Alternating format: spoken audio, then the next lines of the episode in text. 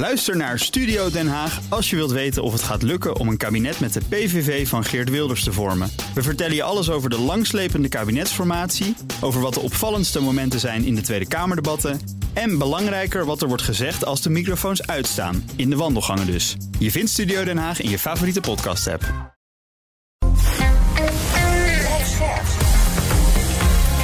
BNR Nieuwsradio.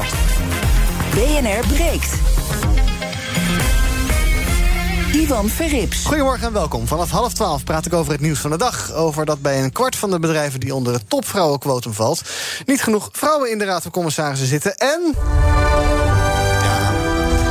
We gaan het hebben over de verjaardag van de koning. Eindelijk, eindelijk weer een Koningsdag normale stijl. Dat doe ik eh, met mijn twee panelleden. Tom Scheepstra, voorzitter van het CDJA en groot Koningshuisfan... dus die verheugt zich ongetwijfeld. En Daphne Lodder, voorzitter van de JOVD. Goedemorgen. Goedemorgen. Net zo'n grote fan als Tom van het Koningshuis? Wel redelijk fan, maar groter dan Tom. Ik denk Oh, niet dat ze niet, bestaan. Nee. Nou, we zo meteen tweeënhalf uur bespreken. We beginnen met...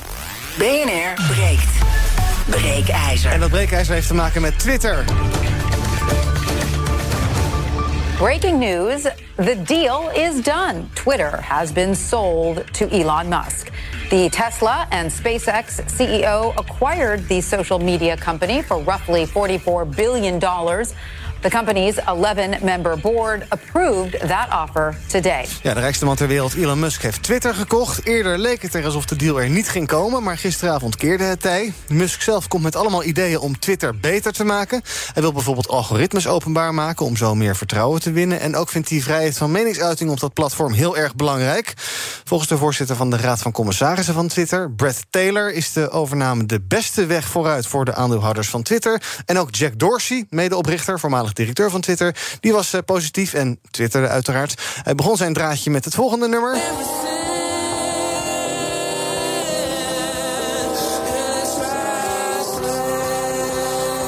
Radiohead met Everything is in the Right Place. Allemaal lovende reacties, maar er zijn ook zorgen en kritiek. En daar gaan we uitgebreid over praten. Aan de hand van ons breekijzer. Elon Musk is de redding van Twitter.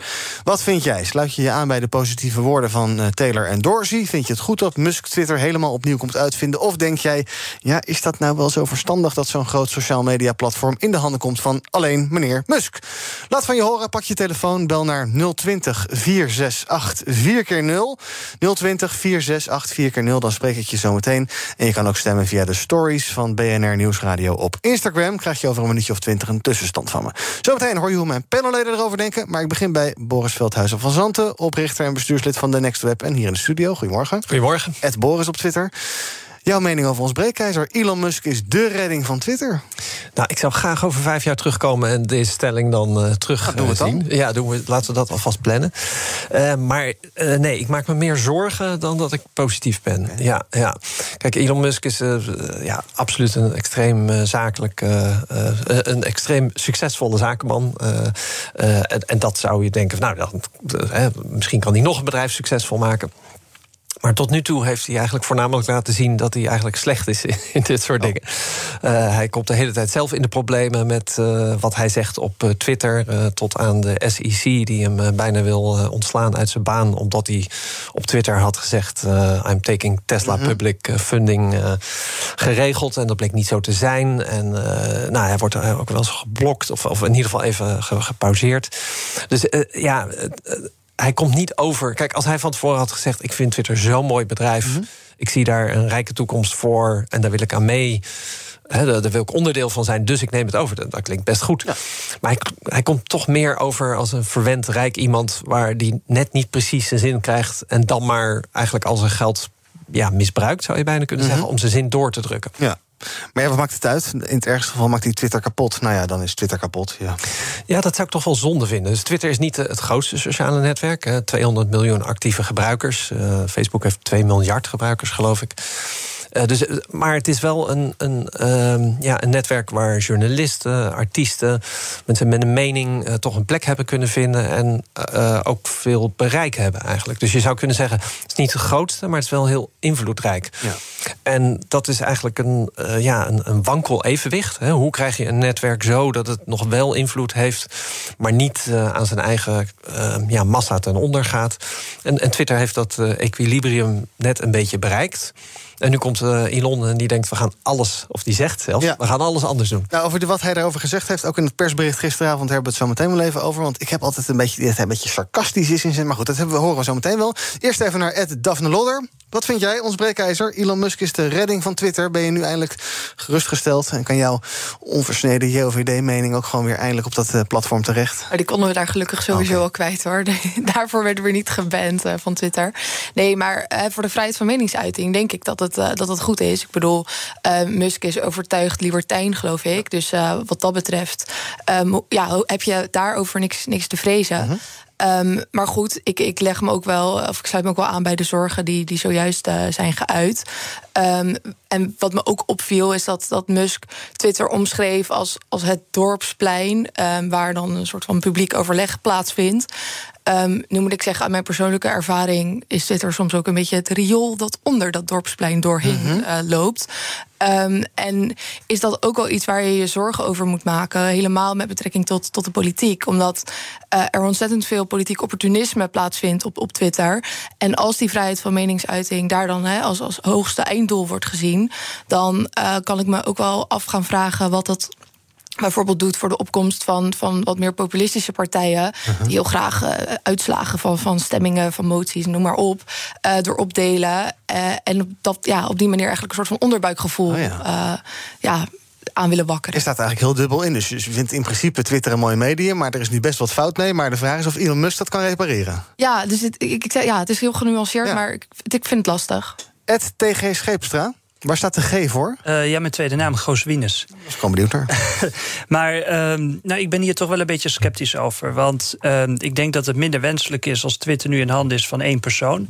En daarnaast heeft hij in het verleden natuurlijk ook Twitter voor zijn. Ja, Eigen eh, profiel gebruikt. Eh, en ook om koersen wat omhoog eh, te stuwen. Dus dan vraag ik me af in hoeverre is dit ook in eigen belang om nu Twitter eh, ja, in je portefeuille te hebben.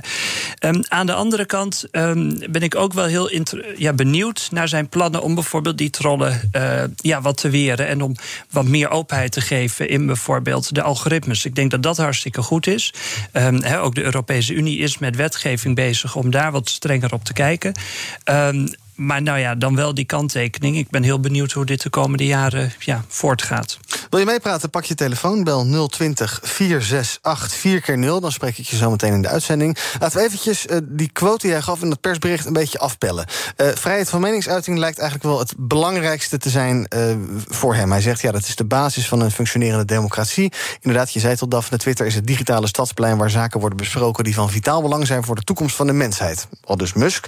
Ehm, maar ja, dan gaan we het bijna filosofisch maken. Maar wat is vrijheid van meningsuiting? Hij denkt, geloof ik, eh, dat je alles moet kunnen zeggen daar. Iedereen moet alles kunnen zeggen daar. Ja, nee, Eh, de, de grap daarover is dat de meeste mensen die het hebben over freedom of speech, hebben het eigenlijk over freedom of accountability. Eh, dus die willen gewoon kunnen zeggen wat ze willen en daar nooit voor op hun donder krijgen. En Twitter. Kijk, freedom of speech is iets wat vanuit eh, een regering wordt ge- eh, eh, bepaald. Hè. Dus freedom of speech is letterlijk... kun je zeggen wat je wil zonder gearresteerd te worden. En zelfs dat is niet een soort in steen geschreven. Want als jij haatdragend of geweld tot aanzetten tot geweld... ja, dat valt ook niet onder freedom of speech. En Twitter is niet een regering. Twitter is gewoon een commercieel bedrijf. Ja. En die heeft zelfs regels opgesteld. En die zegt, er zijn een aantal dingen die je niet mag zeggen bij ons. Haatdragend, aanzetten tot geweld. En als je dat wel doet, dan pakken we je account af. Ja, maar dat wilde Musk dus gaan veranderen allemaal. Ja, en da- dan kom je dus weer terug op die eh, freedom from accountability. hè. Dus hij zegt eigenlijk, nee, freedom of speech betekent dat iedereen alles moet kunnen zeggen. En dat heeft hij vandaag weer een klein beetje aangepast. Hij zegt van ja, iedereen moet kunnen zeggen wat hij wil zeggen. En eh, linkse partijen zouden er evenveel rechts moeten eh, last van hebben als rechtse partijen. Ja, Of ja. eigenlijk als iedereen, als de top 10% van iedereen er evenveel last van heeft, dan is het een soort eerlijk. En ja, dat is, dat, dat is alweer eigenlijk zo in tegenspraak met wat hij eerder zegt met alles moet kunnen. Dat, ja, ook dat eh, ga je eigenlijk meer zorgen maken dan eh, dat dat eh, ons eh gemoed rust geeft. Ja, en die andere zaken, eh, Tom noemde er net al eentje. Ehm, eh, hij wil nou ja, nieuwe functies invoeren, algoritmes deels open source maken, ehm, eh, spambots verslaan, alle mensen authenticeren. Ja. Het voelt alsof het een soort holle quotes zijn, dat hij wel ideeën erbij heeft, maar Nou ja, maar dat is het dus een Wat beetje. is het? Dus, kijk, als je meestal is een, een bedrijf draaien is best ingewikkeld.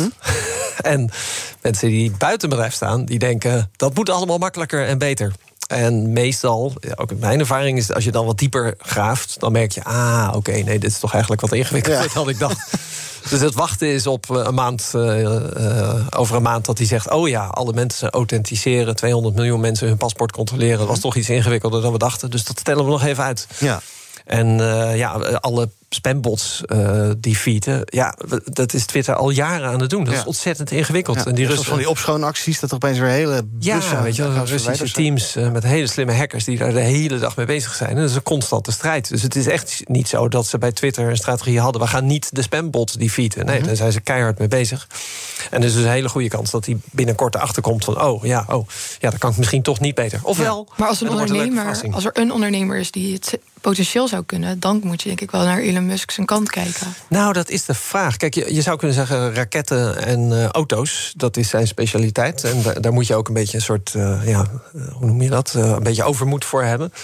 Een sociaal netwerk, dat is software en, en allemaal misschien wat subtieler. Het is de vraag of je daar naar binnen kan rennen... en kan zeggen, we gaan de biggest spambot killer ever maken. en daarmee gaan we vanaf, ja, vanaf de maan. Ik denk, ja, ja dat werkt wel voor raketten en misschien ook wel voor auto's. Maar ja, Twitter, wat al best lang bestaat en, en, en hele subtiele, hele ingewikkelde problemen heeft. dus het, het, het uh, openbaar maken van, van het uh, algoritme, ja, dat klinkt ergens wel interessant. Ja. Ik ben ook wel benieuwd hoe het algoritme werkt. Aan de andere kant. Iedere hacker zit daar inderdaad op te wachten. Mm -hmm. Want dan weet je helemaal precies hoe je de, de bom moet manipuleren. Dus de, hè, de kans dat dat zorgt dat er nog ontzettend veel meer spambots komen, is eigenlijk heel groot.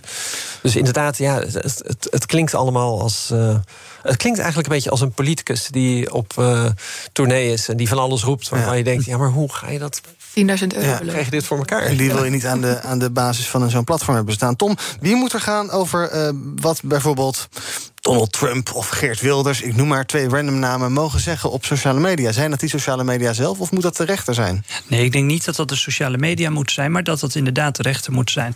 Omdat, hè, we horen net ook al die discussie, als je het bij de sociale media legt, um, nou, dan krijg je misschien definities waarvan wij in Europa zeggen van nou, daar zijn we het niet mee eens. Uh -huh. Want dat haatdragen of dat oproepen tot geweld wat mij betreft gewoon een hele strenge lijn in, instellen. Um, en het probleem met social media is dat het natuurlijk niet één land is. Um, dat dat, dat is wereldwijd. om te zeggen, want dat is voor een regering heel logisch. Maar sociaal netwerk is net zoiets als een café. Ja. Als ik een café uh, open en ik zeg in mijn café geen André Hazes. Ja, van de wet mag iedereen André Hazes. Maar het is mijn café. Ik mag bepalen wat we hier doen. Ja. Als ik zeg, ik open een café, ik heb zo'n hekel aan voetbal. Mm -hmm. Nooit voetbal op de tv en ik wil er ook niet over hebben. En dan gaat iemand aan de bar zitten en die zegt, kunnen we het over voetbal hebben? Ja. Dan zeg ik, daar is de deur, ja. want het is mijn bedrijf. En aan het krijg je bij sociale media dan het verhaal... ja, dit is zo groot geworden, dit overstijgt het, uh, een klein cafeetje. Dit is een soort landsbelang, een soort wereldbelang. En dan, maar het is geen monopolie. Nee. En dat is dan weer wat dat doorkruist eigenlijk. Je kunt zeggen, Twitter is groot en het is uh, invloedrijk. Maar goed, er zijn maar 200 miljoen mensen over de hele wereld. En Facebook is ontzettend veel groter. En je kunt op ieder moment naar een ander netwerk. Als jij naar een café gaat en je mag geen andere hazes uh, luisteren... en niet over voetbal praten, is er altijd een café daarnaast... waar je dat wel kan doen. Hm. Maar in beide cafés, als je je misdraagt...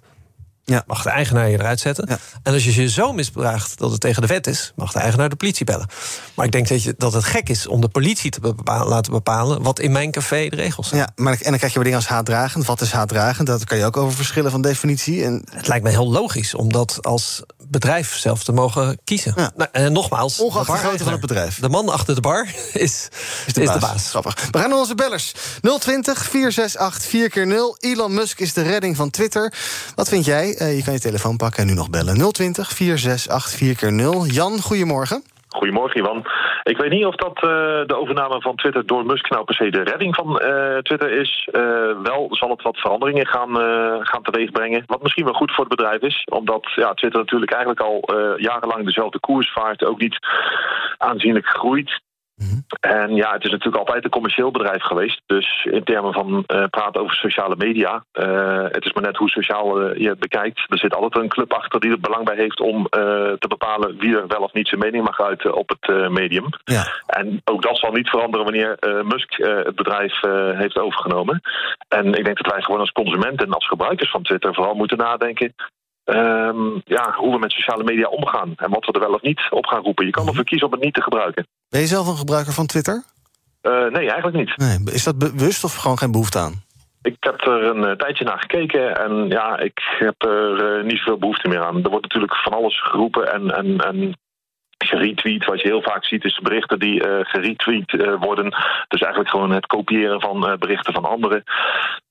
ik, voor mij voegt het niet zoveel toe. Nee, duidelijk. Dank voor het bellen, Jan. BNR breekt. Ivan Verrips.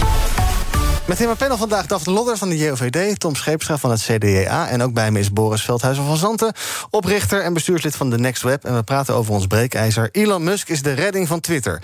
Wil je reageren, pak je telefoon, bel 020 468 4 keer 0 Het kan ook via de stories van BNR Nieuwsradio op Instagram. Uh, het proces naartoe was ook een beetje uh, rommelig of wobbelig. Eerst leek de, de board van Twitter er niet zo'n zin in te hebben. Gifbeeldconstructie. nu waren ze er opeens, gisteren waren er geluiden van nou, het gaat toch wel lukken. En waarschijnlijk vandaag al. En gisteravond 9 uur was die deal opeens, onze tijd. Um, draait het gewoon alleen maar om geld? Of ben ik idealistisch en hoop ik dat ze ook kijken naar de plannen die meneer Musk heeft? Of, ja. Nee, ik denk dat het bod uh, zodanig goed was dat het moeilijk was om, uh, om te negeren. En dat ze inderdaad in eerste instantie naar die opties keken, de gifpil, om het tegen te houden. Maar dat er toch druk kwam van de aandeelhouders uh, naar die board om, het, om het toch te accepteren. En toen ging het heel snel. Ja. Um, gaat hij nog. Er was ook veel kritiek op de board hè, van tevoren. Mm -hmm. Dus dat ze heel weinig percentage hadden. Ook Jack had online al gezegd van ja, die board zit al jaren eigenlijk te ja, vooruitgang. Waar die zelf ook in zit nog steeds? Dat zou kunnen, ja. ja. In ieder geval, hij had veel te klagen over de board. Dat hij zelf project had gestart en dat ze eigenlijk altijd alles tegenhielden. Dus misschien he, de, de hoogte van het bod en al de kritiek... eigenlijk gebrek in vertrouwen aan de board... dat dat toch reden was voor hun om de handdoek in de ring te gooien. Ja. Um, Daphne, is het verder nog bezwaarlijk dat er uh, één man zometeen aan de top van zo'n bedrijf... ook het hele bedrijf in handen heeft vooral? Nou, dat is bij meerdere bedrijven natuurlijk het geval. Dus dat zou in, in essentie niet, niet het probleem nee. moeten zijn. Um, en nee, ja, ik denk nogmaals dat het echt wel wat, wat uit kan halen qua innovatie voor Twitter. Want ik bedoel, als ik kijk naar mezelf vroeger, toen ik, toen ik 12, 13 was of zo, toen had ik ook een Twitter-account. Dat heb ik toen ik 17, 18 was volgens mij opgegeven. Maar op mijn twaalfde was het echt een ding dat je 30 tweets per dag plaatste. Mm -hmm. Het sloeg natuurlijk al nergens op, want nee. het deed ook niet heel veel bijzonders. Maar dat was toen echt super hip. En dat is ontzettend erg eigenlijk gedaald en afgelopen. Um, dus iemand, een nieuw iemand aan het roer kan echt wel wat, ja, wat goeds betekenen voor een platform als Twitter. Um, als je kijkt naar hè, groter is beter in dit geval. Ja. Uh, zie jij daar nog bezwaren? Want, want aan de ene kant zeg je ja, de kroegbaas is de baas in de kroeg. Uh, maar er is nu één kroegbaas en die kan vandaag iets anders vinden dan morgen of overmorgen. Of nou, kijk, dat is een beetje een voorbeeld. Hè? Dus, uh, um, Oké, okay, terug naar de analogie ja. van de bar. Uh, als daar één rijk iemand is en die, uh, die is dol op André Hazes... en die zegt, oké, okay, en nu koop ik het café... want ik wil André Hazes horen... dan kun je je voorstellen dat, dat dat toch een beetje een onprettig gevoel is... voor de andere bezoekers ja. van de tent. Hè? Dat je denkt van ja, ja waar gaat dit naartoe? Als, als, je, als, je, als je met geld eigenlijk altijd kan bepalen wat de regels zijn... dat is gewoon niet de wereld waar wij met z'n allen in willen leven. En, en Musk, ja, die heeft dit ook zelf een beetje veroorzaakt. Hè? Want hij heeft niet van tevoren gezegd: Ik vind Twitter een geweldig bedrijf. Uh, uh, ik zou daar graag in helpen. Maar hij heeft eigenlijk gezegd: De, de regels bevallen mij niet. En, en de boord is stom. Mm -hmm. en, uh, en ik heb geld genoeg, dus ik ga het kopen en dan op mijn manier doen. Ja. En hij heeft gewoon een slechte track record daarin. Hij heeft heel grappig. gisteren of vanochtend had hij getweet. ik hoop dat ook mijn ergste, mijn mm -hmm. meest kritische volgers. Ja, ja, mijn vijanden hier blijven. Want dat is wat free speech is. Terwijl een paar jaar geleden was er een investeerder... en die was op een soort event van Tesla... en die had daarna een kritische blogpost geschreven. Uh, ik weet niet dat er weinig toosjes waren of zo. En toen had... Uh, Elon Musk zijn order voor een nieuwe Tesla gecanceld. Oh ja. Dus en dat, ja, weet je wat, dat maakt zo'n kinderachtige indruk en, en ook niet productief of zo. En, en nu denk je dus van ja, aan de ene kant zegt hij uh, uh, freedom of speech. Aan de andere kant denk je van ja, hij is nu de, de enige eigenaar. -hmm. De volgende persoon die iets negatiefs zegt over de toastjes bij Tesla, die wordt misschien die platforms. Ja. De Elon Jet, dat account, dat zijn, dat zijn vliegtuigen. Ja, bijvoorbeeld. Ja, inderdaad. Ja. hoe gebruik jij Twitter, Tom? Want het is nou niet echt een. Het is geen gezellig. Het is niet zoals vroeger. Oh nee. Hives of Facebook in die goede oude tijd. Dat je, je allemaal vervelende tantes die je eigenlijk nooit zag, maar die je daar lastig vielen. En oma's en opa's en dergelijke. En het is meer een soort zakelijk, ongezellig. Het is niet echt dat je er voor je lol komt. Ja, en soms moet je ook even niet kijken, want dan zijn er weer. Ja, dan zijn er weer wat Russische trollen die al oh. van alles zeggen. Uh, maar vooral het nieuws. Uh, je, je, volgt, nou, bijvoorbeeld de Oekraïne-crisis. Mm wist ik wat minder vanaf. En dan heb je een aantal deskundigen die zitten ook op Twitter. Nou, en die volg je en dan krijg je toch wel interessante uh, nieuwsberichten door.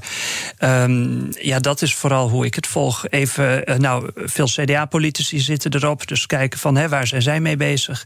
Um, af en toe als ik iets doe of met het CDA, dan, dan plaats ik een bericht of, of deel ik iets. Ja. Uh, maar het is zeker niet de 30 tweets van Daphne, wat ze vroeger deed per dag.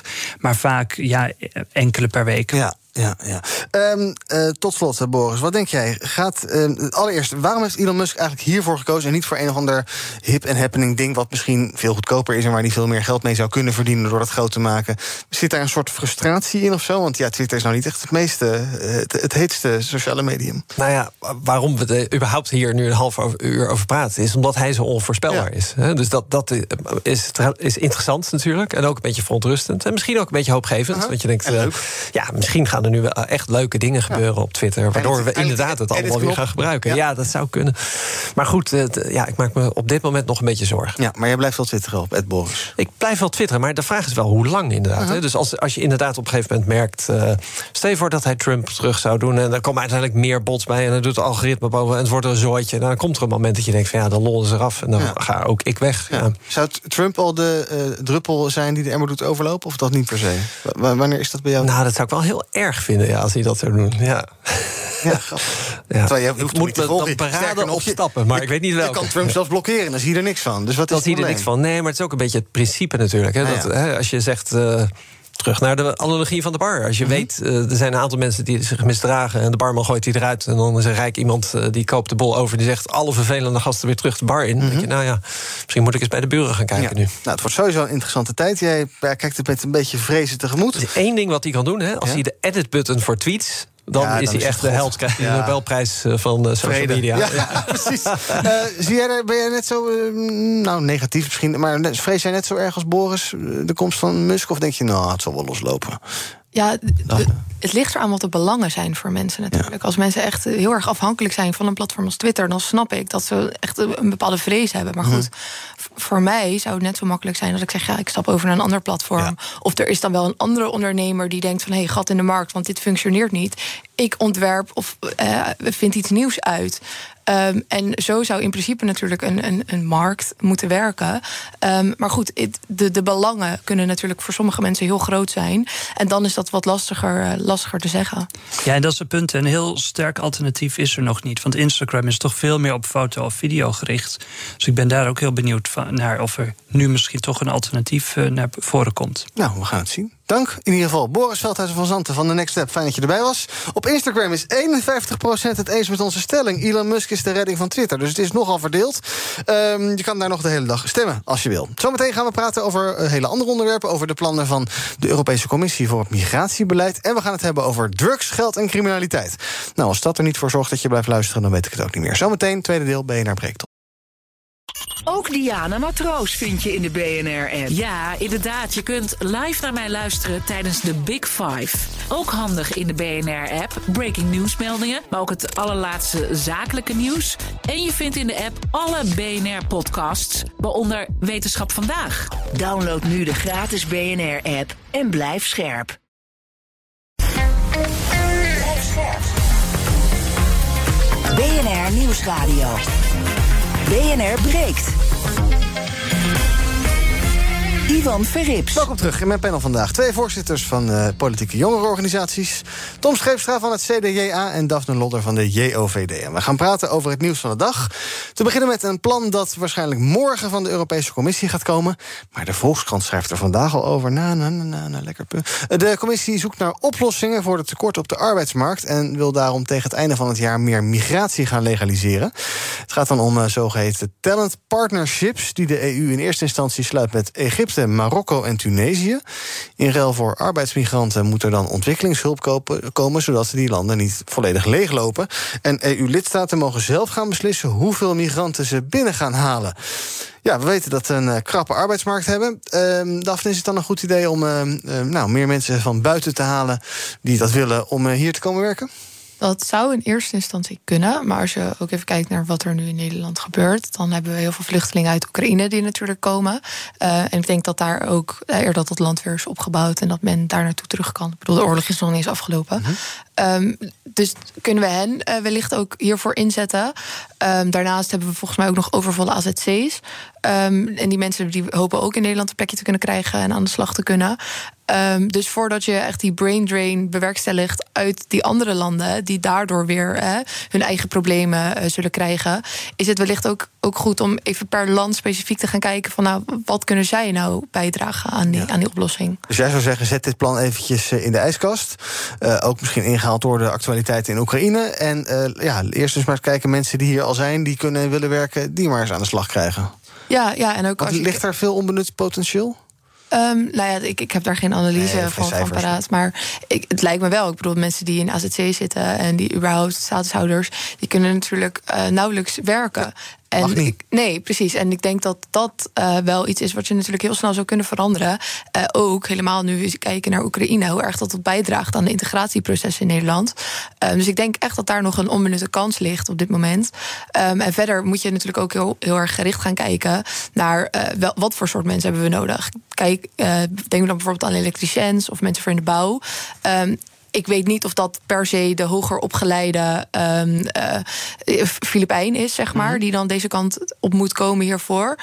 Um, maar dat dat ook wat praktisch geschoolde arbeidskrachten kunnen zijn die, die we hiervoor nodig hebben. Ja, maar dat kan toch ook dan? Ja, dat, dat ja. kan inderdaad ook. Maar er heeft, wordt in het artikel gesproken over een brain drain. Ja, precies. Um, ja, ja. Dan, uh... Uh, Tom, uh, sluit je aan bij Daphne? Gede gedeeltelijk. Ja. Ik ben het eens dat wat betreft de Oekraïners we daar naar moeten kijken.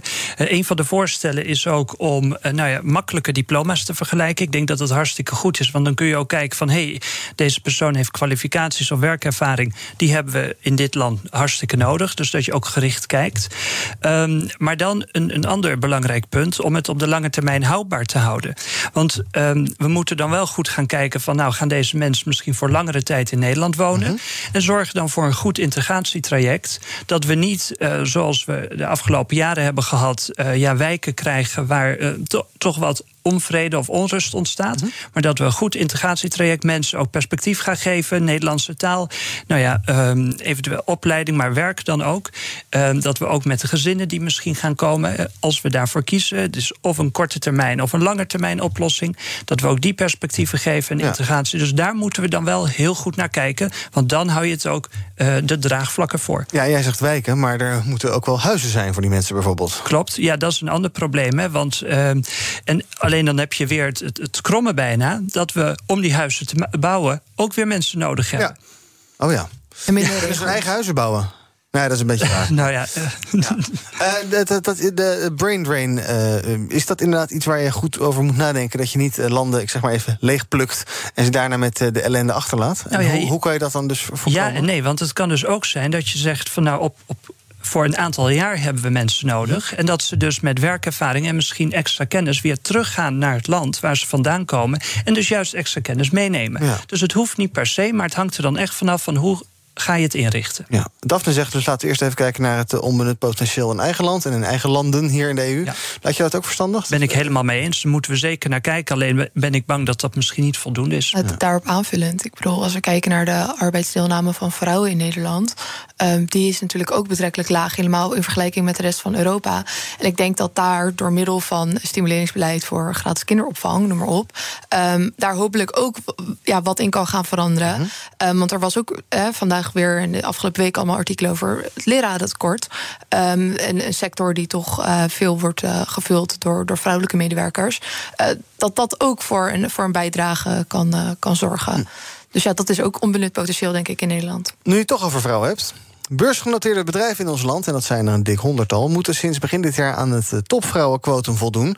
Maar 26 van die ruim 100 halen dat niet, blijkt uit een rondgang van NRC. Wat houdt die, dat quotum in? Je moet evenwicht in de RVC hebben, de Raad van Commissarissen. Dat komt erop neer dat minstens een derde van de raad uit vrouwen moet bestaan. Er zijn 12 bedrijven die geen enkele vrouw in de raad hebben. En dat komt omdat het een zogenaamd ingroeiquotum is. Je hoeft pas te voldoen aan dat quotum, pas nieuwe vrouwen aan te nemen als oude leden uit die RVC hun maximale termijn erop hebben zitten. Um, ik uh, kijk eventjes. Uh, ik ga gewoon eerst aan de man in de studio vragen in plaats van aan de vrouw. Zal het, zo'n, het gaat over vrouwen, dan ga ik het eerst aan de vrouw vragen. Nee, ik ga het eerst aan de man vragen. Nee, nou ja. Oh, ik had toch helemaal geen vraag gesteld. Dat laatste punt. Oh, dan wacht ik even nee, nog op de vraag. Wel niet wat je wil zeggen. Nou, kijk, dat laatste punt van dat ingroeiquotum. Hè, dan heb ik wel zoiets van beetje flauw van het artikel, want we weten het nog niet hoe dat dus gaat ontwikkelen. Maar um, uh, ja, is, uh, het is wel heel duidelijk, er is nog heel veel werk aan de winkel. Uh, want met een aantal bedrijven gaat het echt niet goed. En ik denk dat het uh, ontzettend belangrijk is dat er een evenwichtige verdeling tussen man en vrouw komt, ook in topbedrijven. Maar we nu heel gericht moeten kijken van waarom lukt het dus nog niet. Um, en dan ben ik ook heel benieuwd van, um, nou bijvoorbeeld de middensector, de baan, zijn daar bijvoorbeeld al wel heel veel vrouwen die dus over een paar jaar gaan doorgroeien. Of zien we daar ook te weinig vrouwen? Ja. Um, want we zien dus nu, lukt het nog niet. Maar hoe ziet die prognose eruit voor de komende jaren? Ja. En dat zag ik in het artikel nog niet ja, terug. Ik kan niet verwachten dat van de een op de andere dag alle problemen voor de zon zijn verdwenen. Nee. Um, ben je iets ambitieuzer? Of? Niet? Nee, ja, misschien, misschien zelfs, pardon, wat, wat sceptischer. Oh. Um, het artikel zegt van ja, 24 van de 100 bedrijven doen nog niet foei foei. 76 van de 100 dus wel. Mm -hmm. hè? Ik bedoel, uh, laten, we, laten we even wel wezen. En het gaat inderdaad ook om een ingroeiquotum. Uh, maar sowieso vind ik die vrouwenquota al bijzonder achterhaald. Um, als je kijkt naar nou ja, wat je kunt verwachten, een trend die je kunt verwachten door de jaren heen, denk ik dat dat, eh, dat, dat prima goed nieuws zal opleveren. Maar goed, um, wat ik net zeg, eigenlijk in het vorige soort van deelitem, ja. geldt hier natuurlijk ook. Want ja, uh, Nederland heeft ontzettend veel part-time werkende vrouwen. En uh, ook hoog, hoger opgeleide. Ik bedoel, vrouwen die hun master universita universitaire studie hebben afgerond besluiten gewoon om vier dagen of minder aan de slag te gaan. Mm -hmm. We zijn een liberaal land, dat moet kunnen. Ieder hè, zijn, eigen, zijn eigen geluk. Um, maar dat zorgt er natuurlijk wel voor dat die vrouwen uiteindelijk, als je niet fulltime werkt, minder kans hebt om door te groeien in die, ja. in die grotere en hogere posities. Ja, maar goed, blijkbaar zonder zo'n quotum uh, uh, komt dat evenwicht er niet vanzelf. Dus er is blijkbaar toch iets nodig. Anders ja. blijft het een grote mannenbolwerk. Want mannen weten we, uh, die kiezen altijd mensen die op hen lijken. En dat zijn vaak mannen. Maar daarom is het denk ik heel belangrijk om nu te kijken van waarom lukt het dus nog niet? Wat willen de vrouwen zelf? Is er ook verschil in bepaalde sectoren misschien? want ik kan, en inderdaad. Uh, wat Daphne zegt, ik kan me voorstellen dat dat ook meespeelt. Van, van hoeveel werkt men. En dan uh, ja, misschien verschil in, in de sector. Mm -hmm. Ja, nee, en ik denk ook dat, dat de vrouwen die uiteindelijk wel, hè, want dat zijn er dus al in 76 van 100 bedrijven, um, zijn zij al aanwezig. En ik denk dat zij ook prima nieuwe vrouwen kunnen vinden om uiteindelijk die, die posities te, te vervullen. Um, maar goed, ze moeten er wel zijn en ze zijn misschien minder overvloedig aanwezig. En dan, dan kost dat wat tijd. En ja, ja. ik, ik bedoel liever dat je twee jaar langer erover doet om op je positie te komen. dan dat jij de eerstvolgende excuustrus bent, toch? Die aangenomen wordt op zo'n positie. Ja. Mij niet bellen, zeg maar. Om dan zo'n zo'n vacature te vervullen van ja, nou, je hebt wat tussen je benen. Gelukkig hebben we vrouw, hè? Poe, poe. Nee, precies. Ja. Ik bedoel, dat, dan denk ik, nou, dat tast mijn eer en mijn ego toch ook aan. Ja. Dat ik dan maar daar moet zijn alleen maar vanwege mijn geslacht. Ja. Je kan wel andere trucjes uithalen. Er zijn bedrijven die gewoon het aantal uh, leden van de RVC terugbrengen. En dan voldoen ze alsnog aan het quotum. Ja, nou, dat. dat is misschien een beetje slinks, maar goed. Ja, maar dat is toch ja, slinks of is dat fouter dan slinks? Dan, dan ben je toch gewoon vals spelen? Ja. Daar denk ik dan ook zien dat zo'n quotum niet altijd werkt. He, als, als dit uh, ja, de oplossing is, dan mm -hmm. ja, volgens de statistieken voldoe je er allemaal aan. Ja. Alleen is dit de bedoeling van het quotum? Ik denk het niet. Nee, dus jullie zijn op zich wel hoopvol voor de toekomst, geloof ik, allebei. Ja hoor. Ah, wat fijn, hoopvolle mensen. Bij BNR ben je altijd als eerste op de hoogte van het laatste nieuws. Luister dagelijks live via internet. Bas van Werven. En heel langzaam komt de zon op rond dit tijdstip. Je krijgt inzicht in de dag die komt op BNR, het Binnenhof in Nederland en de rest van de wereld. De Ochtendspits. Voor de beste start van je werkdag. Blijf scherp en mis niets. BNR breekt. En het komende kwartier gaan wij nog doorbrengen met Daphne Lodder van de JOVD en Tom Scheepstra van het CDJA. En we gaan kijken naar wat jullie zelf was opgevallen in het nieuws. En uh, Tom, ik wil beginnen bij jou. Want jij wil het hebben over de lintjesregen. Want jij vindt dat er te weinig lintjes. Het is vandaag weer zover, hè? Heel veel mensen die gaan, uh, mensen die al duizend jaar vrijwilliger zijn voor de hockeyclub of uh, bejaardenwas of iets dergelijks. Die krijgen bij wijze van erkenning een lintje van de koning. Maar jij vindt dat er te weinig lintjes worden uitgereikt? Nou ja, te weinig voor jongeren. Oh. Uh, want inderdaad, uh, vaak krijg je zo'n lintje als je al 20 of 30 jaar lang vrijwilligerswerk doet of uh, in een gemeente zit. En hartstikke goed. Hè? En die mensen verdienen het allemaal. Alleen we hebben ook in Nederland in sommige gemeentes het jeugdlintje. Mm -hmm. om juist jongeren ja, te, te, prijzen. Van hè, wat doe je goed werk met vrijwilligerswerk of in je buurt. of misschien dat ze iemand redden. en ik denk dat daar wel meer aandacht mag komen. Want we leven in een geïndividualiseerde wereld. Dus als ook jongeren zich inzetten voor die maatschappij, dan denk ik dat we dat moeten koesteren en juist uh, extra een zonnetje moeten zetten. Ja, maar is zo'n jeugd, is zo'n lintje is toch juist bedoeld voor iemand die al heel lang iets heel lang heel goed en onbaatzuchtig doet en niet elke knurft die een uh, halve week in de lokale afdeling van de jongere partij nee, van de CDA heeft gezeten. Nou, nee, nee, ik, ik heb het niet over mezelf. Nee, ik, oh. nee en ik denk echt dat dit cruciaal is. Uh, mensen die. Uh, het is meer een aanmoedigingsprijs eigenlijk. Exact. Mm. En dus voor jongeren, dat hoeft dan geen koninklijke onderscheiding, maar gewoon echt een jeugdlintje. Dat hebben heel veel gemeentes, die doen dat ook al. Um, en laat gewoon ook zien van hoe waardevol het is en hoe goed uh, dat jongeren dat doen. En in de hoop natuurlijk hè, dat ze uh, nou ja, dat door blijven doen. En nou, misschien zou het dan mooi zijn dat de koning ook eens drie van die lintjes per jaar uitreikt ja. aan jongeren. Ja, ik zie niks op jouw borst, maar nee, hoor. de eerste dan om, om... Nee, nee, nee, natuurlijk oh. niet. Nee, waarom niet? Er zijn veel meer mensen die veel meer verdienen dan ik. Heb je het item van Arjen Lubach gezien over lintjes? Nee. Nou, die vindt het allemaal flauwekul. En die zegt... Uh, ja, ja, dat verbaast me niet. Want die vindt alles flauwekul. Wat jij geen flauwekul vindt. Nou ja, of de monarchie is iets kritisch. Ja. Daar is hij wel kritisch Maar hij zegt inderdaad... Uh, allerlei BN'ers die worden dan gelijk... Uh, leeuwen, hoe heet dat? Die hele hoge... ja, Orde van de Nederlandse ja, Leeuw of Oranje Nassau. Ja. Truus de Boer uit Appelscha... die al 85 jaar in het ziekenhuis vrijwilligerswerk doet... die wordt dan, die wordt dan maar ridder. Nou, Ridder is ook hartstikke hoog. Ja, Ridder is hartstikke ja. hoog. Maar uh, of, die, die, wordt dan, die wordt dan ja. lid en allemaal BN'ers die krijgen veel hogere onderscheidingen. Ja, dus er is een verschil. Uh, in, in de orde Oranje Nassau is meer vrijwilligerswerk... en uh, Nederlandse Leeuw is meer kunsten en media. Hm. Wie dus wil jij voordragen? Oh, dat is een goede vraag. Dank je. Uh, wie ga ik voordragen? Leg er maar even over. Ja. ja, komen we zo op terug. Daphne, jij wil praten over drugs en geld. Ja, nou, inderdaad. kom maar door. Ja, want minister Jezus um, heeft uh, 82 miljoen euro uh, vrijgemaakt... voor het bestrijden van drugscriminaliteit, voornamelijk onder jongeren. Um, en ik denk dat dat ontzettend goed nieuws is. Uh, en um, nou ja, er wordt gezegd, er wordt met gemeentes gekeken... waar dat geld terecht moet komen. En ik heb wel wat suggesties die, ik, die ik zou willen doen. moet namelijk meer naar, naar de wijkagent, blauw op straat... zoals we dat bij de VVD -huh. graag zeggen. maar ik denk dat dat een, een hele zinnige investering zou zijn. Uh, naast ook het geld uh, spenderen aan onderwijs. En dan met name, uh, met name de zorgcoördinatoren en, en ja, soortgelijken opscholen. Omdat, tenminste wat ik vanuit eigen ervaring zie is dat bij mij op school de zorgcoördinator volgens mij uh, 300 leerlingen onder zich heeft. Um, en onwijs betrokken is. Maar ja, het is gewoon echt heel veel werk uh, dat te doen is om, om die leerlingen een beetje uh, nou ja, aan de lijn te houden, zeg maar. Ja. Um, en als daar wat, wat meer ondersteuning voor zou kunnen komen, denk ik ook dat je veel meer impact kunt maken bij de, in de levens van, van de jongeren. om ze uiteindelijk ook van, van straat te houden. Er wordt namelijk in het artikel ook gesuggereerd dat uh, dat er meer mogelijkheden moeten zijn voor jongeren om te werken. Uh, zodat ze dan niet meer naar die criminaliteit uh, zouden gaan mm -hmm. als bijverdiensten. Maar ik denk dat dat niet heel erg zinvol is. Want ja, het, het rondbrengen van een pakketje drugs is denk ik um, kost veel meer, minder tijd en levert je veel meer op dan ja. wat vakkenvullen in de supermarkt natuurlijk in een maand zou doen. Um, dus ja, ik denk dat daar investeren niet heel veel effect zou hebben. Ja, maar uh, het klinkt ook een beetje soft eigenlijk. Ja, de, weer agent in de wijk en een zorgcoördinator. ja, nou, ja. nou ik denk dat, dat je gaat, dan wel echt gaat, onderschat. Gaat, gaat dat echt de, uh, de aantrekkingskracht van het grote geld van de, de pakken cocaïne verslaan?